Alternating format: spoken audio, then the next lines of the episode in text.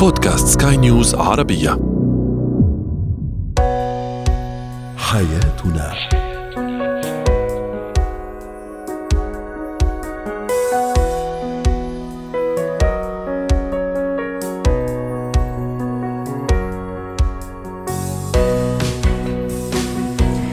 مستمعينا الكرام أهلا بكم معنا إلى حياتنا. فضاؤكم اليومي الذي يعنى بشؤون الأسرة وباقي الشؤون الحياتية الأخرى والذي يمكنكم الاستماع إليه عبر منصة سكاي نيوز عربية dot com slash podcast وباقي منصات سكاي نيوز العربية الأخرى. شاركونا عبر رقم الواتساب 00971 معي أنا آمال شابة. اليوم نتحدث عن الزوج أو الزوجه الشريك يعني الذي يفتعل المشاكل كل يوم ويختلق من الأمور الصغيرة مشاكل كبيرة. أيضا علامات تدل على أن الطفل أو على أن ابني بحاجة لطبيب نفسي. وأخيرا اتيكات وفن وذوق استخدام اليخت. هو وهي.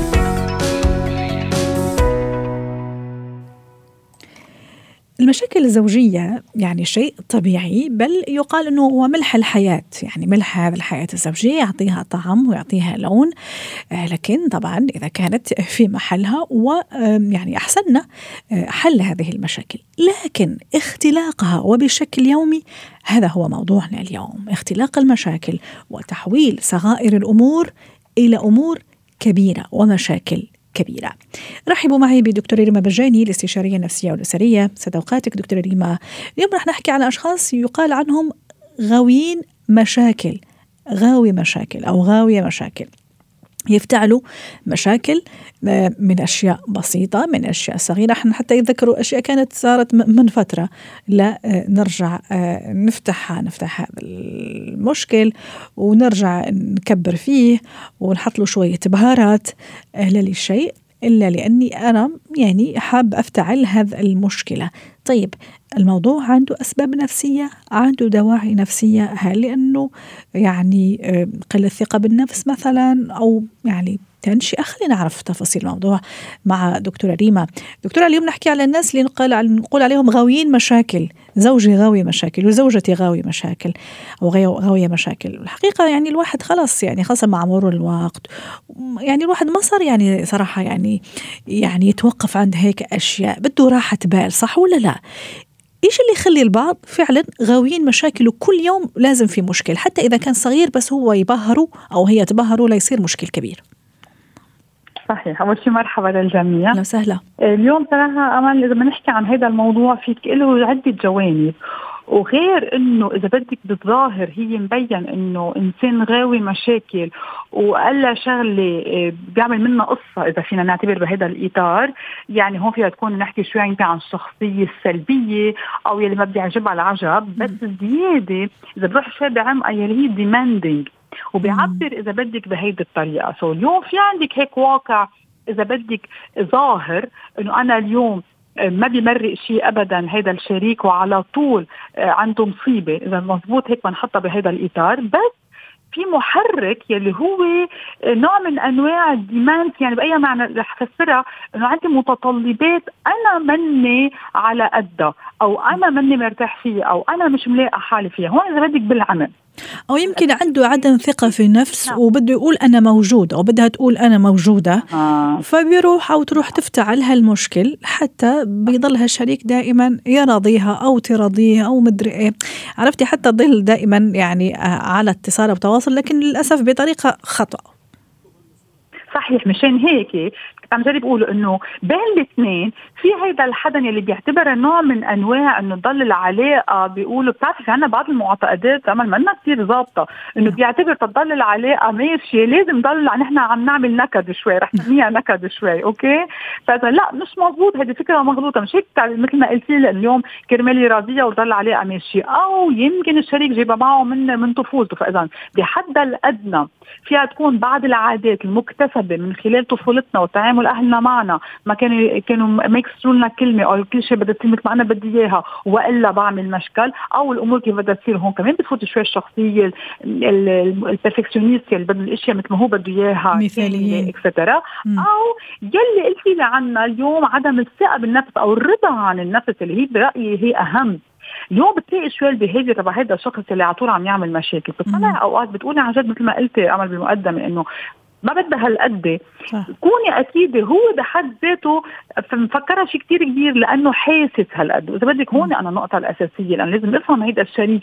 من وين جاي هيدا التطلق هيدا إذا بدك المشاكل على طول جاي من متطلبات بالأساس طيب. مع ذاته مش مرتاح فيها أو مع ذاته مش إشاعة إنها كاملة يلي بتفوت أوقات بثقه بالنفس وصورته عن ذاته اكسترا وصورته بالعلاقه ووجوده بهيدي العلاقة نعم. على مستوى إذا بدك عميق وله له معنى يلي مش قادر يعبر عنه للأسف إلا بهالطريقة دكتورة معقول أنا مش عارفة أعبر بشكل مباشر أو أعبر بشكل مباشر كزوج وزوجة بروح بفتح المشاكل أنا من يومين قريت بوست بصراحة ما كثير أقنعني هو ظاهره يبين لك قديش المرأة يعني رقيقة بما معناه يقول لك المرأة إذا غارت أو إذا سوري إذا إيه إذا غارت بتروح تفتح المشكل.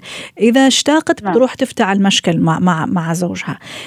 يعني ظاهره يعني إنه المرأة رقيقة جدا لكن أنا بصراحة لما تعمقت فيه ما كثير يعني مش كثير مقنع. يعني أنا لما أغير مثلا في موقف معين أكيد لازم أحكي الطرف الآخر صح ولا لا؟ لما أروح أشتاق أروح أعبر بشكل واضح وصريح. نعم. ليش؟ أفتح المشكلة. تمام هون على قد كمان صبتيها اليوم الأشخاص يلي عم نقوله نحن إنه بيعبروا أوقات بانتباه أوقات بعدم انتباه بإدراك أو غير إدراك بقدرات موجودة أو غير موجودة. ليش عددتهم؟ لأنه في بعض الناس وقت يروحوا عند الشريك بيفتعلوا مشكل والشريك يا بيلحقهم بهيدا المشكل. وهون النقطة الأساسية. أو بيوقف صح. وبيواجه بيقول له لحظة انت مشكلتك مش هون. آه شو زعجك اليوم؟ شو مأثر عليك اليوم؟ هيدي من نقطة. وإلا يلي قلتي عمل على القد أنا اليوم وقت غار بروح بقول هي الشغلة مثل ما هي. وقت أشتاق بقولها مثل ما هي. مشكلتي هون بتصير بطريقة آه إذا بدك إظهار إيصال. به. اللي هو ال emotions وإيصالها. بقول أنا بالفرنسي بالإنجليزي بحبها express yourself تعبري عن ذاتك. so ببعض. الناس عمل ما بيعرفوا. هون تروح كمان بالعمق في ناس عن جد ما بتعرف ما تعودت أو ما, ما أو أو شيء ما بتعرف إنه عن جد هونيك هون كمان اذا بتروحي أكثر في بعض الناس بيفتعلوا المشكل. ما بيعرفوا لأنه أنا غيرت اليوم أو لأنه قطعت فكرة أو لأنه قطع شيء براسي. هي كمان الأمور الأساسية. بتصير اخترعت طيب. مشكل أو اخترع مشكل إنه في شيء تحت وهي مش منتبهت له. أيوه. واحيانا أنا كزوجة أنساق أو أستدرج لهالموضوع. أستدرج لمنطقته. زوجي دائما مشكلجي وغاوي مشاكل وأنا أروح يعني يا الله وأحاول أراضيه وأحاول مدري إيش. ونفس الشيء بالنسبة لزوج. كزوج أحيانا أستدرج من غير ما أعرف. ممكن أحبها كثير لزوجتي ما بدي أخسرها بس يعني too much كثير مشاكل. فأستدرج بشكل أو بآخر. كيف حتى أعمل؟ يعني أقول stop لا يعني يعني أنت أو أنت يعني عم تفتعل مشاكل ومش صحيح اللي عم تقوله. كيف أعمل هذا ما بدي أقول هالحاجز بس كيف أتصرف من الآخر؟ بدنا نعمل équilibre نعمل balance so أول ما تصير الحالة يلي قلتها يمكن شوي رح ارجع عيد الفكرة يلي هي هون هيك, هيك بدنا نبلش فيها. يعني أول ما تصير الحالة قباله يلي هي افتعال المشكل ال partner الشخص اللي قباله بده يوقف لثواني يفصل حاله عن ال situation عن الحالة اللي هو فيها وهو يدرك شو عم بيصير. وموضوع أساسي يعني بغض النظر إذا بحب أو لا لأنه إذا بحب شريكه وشريكته بيساعدوهم يطلعوا لأنه نحن صراحة هون أول شيء الشريك إذا عم نحكي من هذا المنظار حتى لو غنج لو شو ما كان اليوم بدنا نساعد الشريك إنه تصرفاتك عم بتضر بالعلاقة ما عم بتفيد. so دورنا نحن نكون واعيين. شو يعني واعيين؟ بدها تاخذ منا ثواني استدرك الأمر. نحن بنستعمل هيدي الكلمة. إنه اطلع أنا اليوم شو عم بيصير؟ نعم. أحكي مع حالي ثلاث ثواني افهم ال situation وساعتها واجهه بالحقيقة. يعني يلي قلتها قبل شوي قل له للشريك ساعتها لحظة مشكلتك مش لأنه أنا ما شلت الصحن عن الطاولة أو لأنه طبشت الباب مشكلتك لأنه واحد اثنين ثلاثة أو شو مشكلتك؟ لأنه أنا أكيد مش هيدي المشكلة. هيدي آه. لازم يعمل شريك خطوتين أساسيتين. يعني ما في أوضح من الصراحة؟ ونروح دغري. أكيد في كل حياتنا في الحقيقة مو فقط كزوج وزوجة شكرا لك دكتور ريما سعدتيني رائعة دائما ومبدعة ودائما إضافتك جميلة جميلة معنا وأتمنى لك أوقات سعيدة. زينة الحياة. إيش هي العلامات أو ما هي العلامات التي تدل على أن طفلي بحاجة لطبيب نفسي؟ رحبوا معي بدكتورة هبة شركس الخبيرة التربوية ضيفتي العزيزة. خلي في البداية نتفق على أنه لما أخذ ابني طبيب نفسي هذا لا يعني أنه في مصيبة في مشكلة كبيرة. حين نخاف نستحي من المجتمع. شو بتقول علي جارتي. شو بيقول علي مدري مين. فخلينا نتفق أول شيء يعني كمدخل ونصيحة أيضا ذهبية لكل عم يسمعنا. آه، ثم آه، يعني آه، يا ريت نحكي على هذه العلامات اللي تدل على أنه طفلي بحاجة لا طبيب نفسي. هو طبعا الطبيب النفسي آه، ده حاجة مهمة جدا وحد متعاون ومساعد في تربية الأبناء وفي تنشئة الأبناء زي ما بناخده لطبيب عام وزي ما بناخده لطبيب أطفال فاحيانا بنحتاج إلى معالج نفسي أو طبيب نفسي علشان نقدر إن إحنا نحدد المشاكل الموجودة عند الطفل. من أبرز العلامات اللي عادة الأهل بيجوا فعلا بسببها انخفاض المستوى الدراسي فجأة. يعني لو الولد ده أو البنت دي كان مستواهم الدراسي جيد وبعدين بدأ ينخفض مستواهم الدراسي دي علامة تحذيرية عشان أغلب الأهل بيهتموا بالجانب الأكاديمي لأبنائهم فعادة بيلجأوا للطبيب أو بيلجأوا للمختص علشان يسألوا هو يا ترى ليه انخفض المستوى الأكاديمي بتاعه؟ هل ده له علاقة بصحته النفسية أو له علاقة بصحته العقلية أو عنده مشاكل في صعوبات تعلم فده فعلا اللي, اللي إحنا بنشوفه باستمرار. لكن لما بنبدأ نفحص الموضوع بنلاقي إن في علامات تانية كتيرة مبكرة قبل ما ينخفض مستواه الدراسي ولكن الأهل لم يهتموا بيها. زي مثلا إن هو يكون آه ما بيعرفش ينام كويس عنده آه، اضطرابات آه في النوم أو بينام كتير قوي يجيله كوابيس آه منعزل اجتماعيا عنده مخاوف من أشياء معينة بيتكور حوالين نفسه كده بيرجع لوضعية الجنين ويبقى خايف في أوقات معينة بسبب غير واضح آه إن هو يكون مش عارف يكون صداقات في المدرسة وعنده عزلة وانطواء آه يكون مش عايز يروح المدرسة ودايما بيبكي آه ممكن يكون عنده مشاكل في الأكل في التغذية. يعني مثلا ما بياكلش كويس نفسه مسدوده مش فكرة في طفل انتقائي. نعم. هي الأم بتبقى عارفة من الأول إن أنا ابني انتقائي جدا في في الأكل. وفي طفل لأ هو كان طبيعي وبعدين اتغيرت شهيته للطعام سواء قلت أو زادت بشكل ملحوظ جدا. بيألف قصص بعد سن الست وسبع سنين يعني هو مدرك للفرق ما بين الحقيقة والواقع لكن بيألف قصص وبيصدقها وبيعيش جواها يعني منفصل عن الواقع. ممكن يكون آه، مثلا بتشتكي إنه دايما عنده أوجاع في جسمه بتروح للطبيب البشري ومفيش حاجة وخصوصا آلام القولون والمعدة صداع يكون عنده أحلام مزعجة وكوابيس.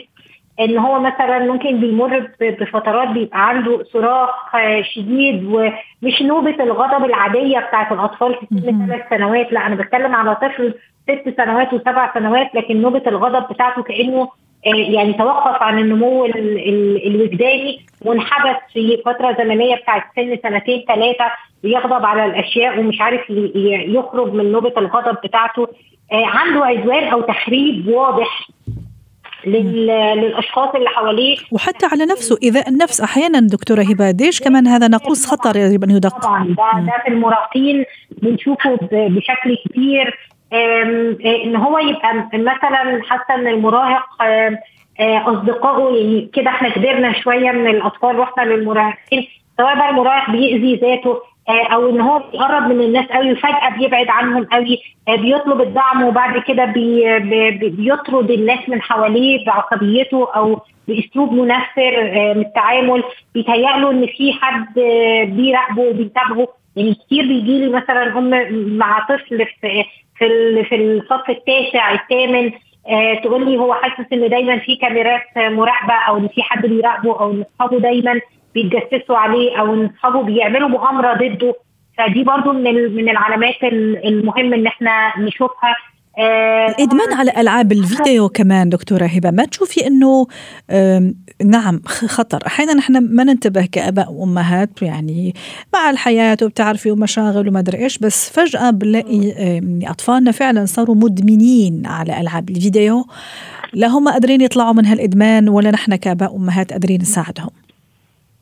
آه، طبعا إدمان الألعاب الإلكترونية ده من الأشياء يعني من العلامات التحذيرية إن إحنا بتشيلي منه الالعاب الإلكترونية بيبقى زي المجنون وممكن يعمل لك أي حاجة علشان ياخد الجهاز يعني. ممكن يعمل أي حاجة بتطلبيها منه حتى لو مخالفة للأفكار وحتى لو أي حاجة هعمل لك اللي أنت عايزاه بس تديني الجهاز مش بيحاول يقنعك مش بي أو بيرفض رفض شديد وبيتعصب وبيتوتر زي المدمن بالظبط يعني علامات انسحاب فعلا. فالإدمان على الأجهزة الإلكترونية ده واحد برضو آه، من المشاكل. كمان يعني كتير آه، الأهالي دي بيقدروا فعلا يميزوها وبيقدروا فعلا يعرفوا إن إن محتاجين يجوا لطبيب اللازمات الحركية واللازمات اللي في الكلام آه، لما بتزيد عن حدها برضو ده بعض الأفكار الوسواسية إن هو يبدأ يوسوس في حاجات معينة سواء في النظافة أو في الترتيب أو في إن هو يبقى عايز يبقى بيرفكت أو بعض الأفكار يقول لك أنا بيجيلي آه، آه، سؤال كده في دماغي بيشككني في حاجة أو بيطلب مني حاجة. أحيانا برضو دي علامات بتنذر بأن هو ممكن يكون عنده أي اضطراب نفسي. وعلى فكرة الاضطرابات النفسيه الاكتئاب الطفل يفضل ما عندوش رغبة في أي حاجة لفترات طيب. طويلة نعم. آه تتع... تتع... مش مجرد الحزن العادل طيب دكتورة. ممكن تتجاوز الاسبوعين دكتورة باختصار حتى نختم مع حضرتك. ذكرنا يعني كذا كذا علامة اذا بدك. آه، كيف أقنعه؟ آه، حسب سنه حسب مرحلته العمرية؟ شو أقول له؟ شو أخبره؟ إنه رايحين عند مين؟ وشو أهميته ووظيفه هذا الشخص اللي راح نروح عنده؟ باختصار دكتورة هبة. هو طبعا الأفضل إن إحنا لو عندنا يعني يعني في الدول اللي فيها الثقافة النفسية حاجة عادية فهو بيروح عادي. في الدول اللي الثقافة النفسية فيها شوية منخفضة وفي وصمة زيارة الطبيب النفسي والأم نفسها مش متصالحة مع الفكرة فبنفضل إن إحنا نروح نقول له إن إحنا رايحين لحد بيقيمك زي بيعمل لك اختبار ذكاء بيعمل لك بينمي لك مهاراتك بيشتغل على شخصيتك وعلى مهاراتك علشان تكون أفضل دراسيا عشان يدعمك. ف وغالبا بيبقى الأفضل إن إحنا نروح لمعالج نفسي آه مش مش طبيب نفسي لو كانت الأعراض بسيطة أو كانت المشاكل سلوكية مش نفسية وهو اللي بيحولنا يا إما بيحولنا لطبيب نفسي يا إما بينتهي الموضوع عند المعالج النفسي. شكرا لك دكتورة هبة شركس الخبيرة التربوية ضيفتي العزيزة من القاهرة وأتمنى لك أوقات سعيدة.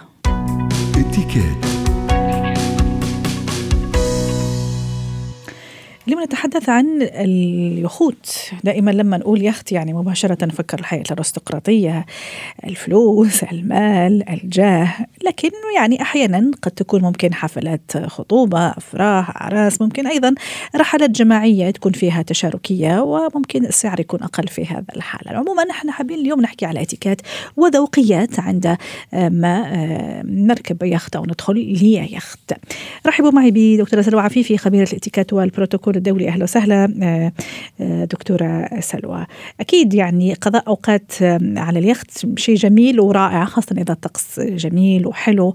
يعني فيك هذا نوع من الانطلاق من الحرية. رائحة البحر بحد ذاتها هيك تعملنا نوع من السعادة في الحقيقة. إيش هي ذوقيات وإتيكات آه، ركوب اليخت أو عندما ندخل اليخت؟ في الحقيقة أنا شفت مرة ما صار لي كثير مسلسل كان في خطأ فادح حتى جلسة أتساءل يعني معقول القائمين أو المخرج ما انتبه لهالموضوع يعني آه، المشهد كان انه آه، ممثلة تدخل اليخت فإذا به يعني أهم قواعد دخول اليخت اللي هو خلع الحذاء وأنتم بكرامه لكن يعني ما كان في انتباه لهذا النقطة النقطة دكتورة سلوى. إيش هو اتيكيت وذوقيات آه، ركوب اليخوت؟ مثل ما ذكرتي إنه طبعا هي من الرحلات الممتعة ويمكن الاستمتاع بها ولا ننسى أيضا الرحلات النيلية البحر والنيل كمان. فطبعا بالتأكيد لها ذوقيات ولها اتيكات ولها أصول مثل أي ركوبة يعني مثل ما تركبي المترو أو الباص أو الطائرة. فلا بد أن اولا نتبع إجراءات السلامة آه، السلوكيات أيضا. يعني مثلا أحيانا يكون في ناس ممكن تستخدم الأغاني والأصوات العالية والصاخبة. طبعا هو الفرحة حلوة ومطلوبة بس كل هذا لابد أن يكون في في حدود نوعا ما. آه، أعتقد سمعت حضرتك في الآخر بتقولي على خلع الأحذية عند الدخول. أي جالسه أقول أنا شفت مسلسل يعني كان خطأ فادح في الحقيقة. آه، يعني الممثلة لما مثلا كان في الممثلة تدخل على اليوت أو اليخت فهل يعني هذه الجزئية ما يعني ما كانت موجودة فيعني هذه من من الذوقيات من, من الأساسيات اليخت نعم. إنه خلع الحذاء حتى لا تتآكل أرضية اليخت صحيح لأنه طبعا هناك عوامل جوية لابد أن نراعيها وأيضا العادات والتقاليد يعني مثلا في بلاد تركيا مثلا يهتمون بهذه التفاصيل جدا فلابد أن نحترم ذلك. هناك في مسؤولية حتكون في أكثر من ناحية يعني مسؤولية سلوكية، مسؤولية اجتماعية، مسؤولية بيئية أيضا، يعني مثلا عدم إلقاء المخلفات في المياه إن كان بحر أو نهر، آه، عدم آه، إيذاء الآخرين، عدم اختراق الحدود مثلا الحدود المياه الإقليمية، عدم الإبحار في أماكن قد يكون فيها مثلا سباحة أشخاص، آه، أيضا آه، عدم المبالغة في مثلا آه، يعني اصطحاب مشروبات معينة أو شيء يعني كل شيء يكون في في حدود وبأصول. في هذه الحالة فعلا ممكن إن إحنا نستمتع بالرحلة ولا يعني تنقلب إلى شيء غير آه غير محبب. يعني أيضا المحافظة على المخلوقات أو الكائنات البحرية. البيئة البحرية. داخلين البيئة البحرية طبعا إحنا اللي داخلين في بيئتهم. صح. آه احترام العوامل الجوية أيضا. يعني مثلا يمكن ربما في هذا اليوم يكون في تعليمات مثلا من. الأرصاد الجوية عدم الإبحار أو عدم استخدام اليخوت أو المراكب أو السفن. فلا بد من مراعاة كل هذه الجوانب وليس فقط السلوك داخل المركب. صح. والامتثال كمان لنصائح الأمان ومخارج الطوارئ أماكن سترات الإنقاذ. هذه كلها كلها طبعا أكيد طاقم ضيافه هو اللي راح يعرفنا عليها والامتثال للقواعد. لأنه زي ما تفضلتي إحنا في ضيافتهم يعني وكأنه نحن رايحين يعني عند ناس فأكيد لازم آه، نمتثل للقواعد. عادة كمان دكتورة سلوى في اليخوت خاصة اليخوت الكبيرة عادة يصطحب آه، يعني طاقم الضيافة آه، الركاب إذا بدهم آه، جولة مثلا في كابينة القيادة. ديش مهم كمان نمتثل لشروط السلامة مراعاة عدم لمس أي شيء في غرفة القيادة؟ حين يكون عندنا شوية فضول حين أطفالنا كمان فممكن نعمل كارثة يعني كارثة بأتم معنى الكلمة. عدم لمس أي زر أو الاستهتار بشيء أو عدم استباق المضيف يعني دائما إذا في شخص يصطحبنا هو اللي يدخل بداية هو اللي يمشي ويصطحبنا إحنا اللي نتبعه لأنه هو اللي عارف الطريق. آه، إذا كان ممنوع التصوير فممنوع التصوير. عدم آه، آه، شغل القائد أو القبطان مثلا في الحديث أو الأسئلة الكثيرة أو مثل ما ذكرت التصوير أو ربما نشر الصور أيضا. إذا كان هناك محظورات شوفي دائما الاتيكيت بنقول هو احترام الأنظمة صح. للمحافظة على السلامة العامة. صحيح. ونكون مقبولين اجتماعيا في كل مكان. وكمان اللباس يعني في لباس معين في قواعد معينة آه، لازم أن نمتثل بها خاصه في هذا النوع من الأماكن. شكرا لك دكتورة سلوى عفيفي خبيرة الاتيكيت والبروتوكول الدولي. أتمنى لك أوقات سعيدة.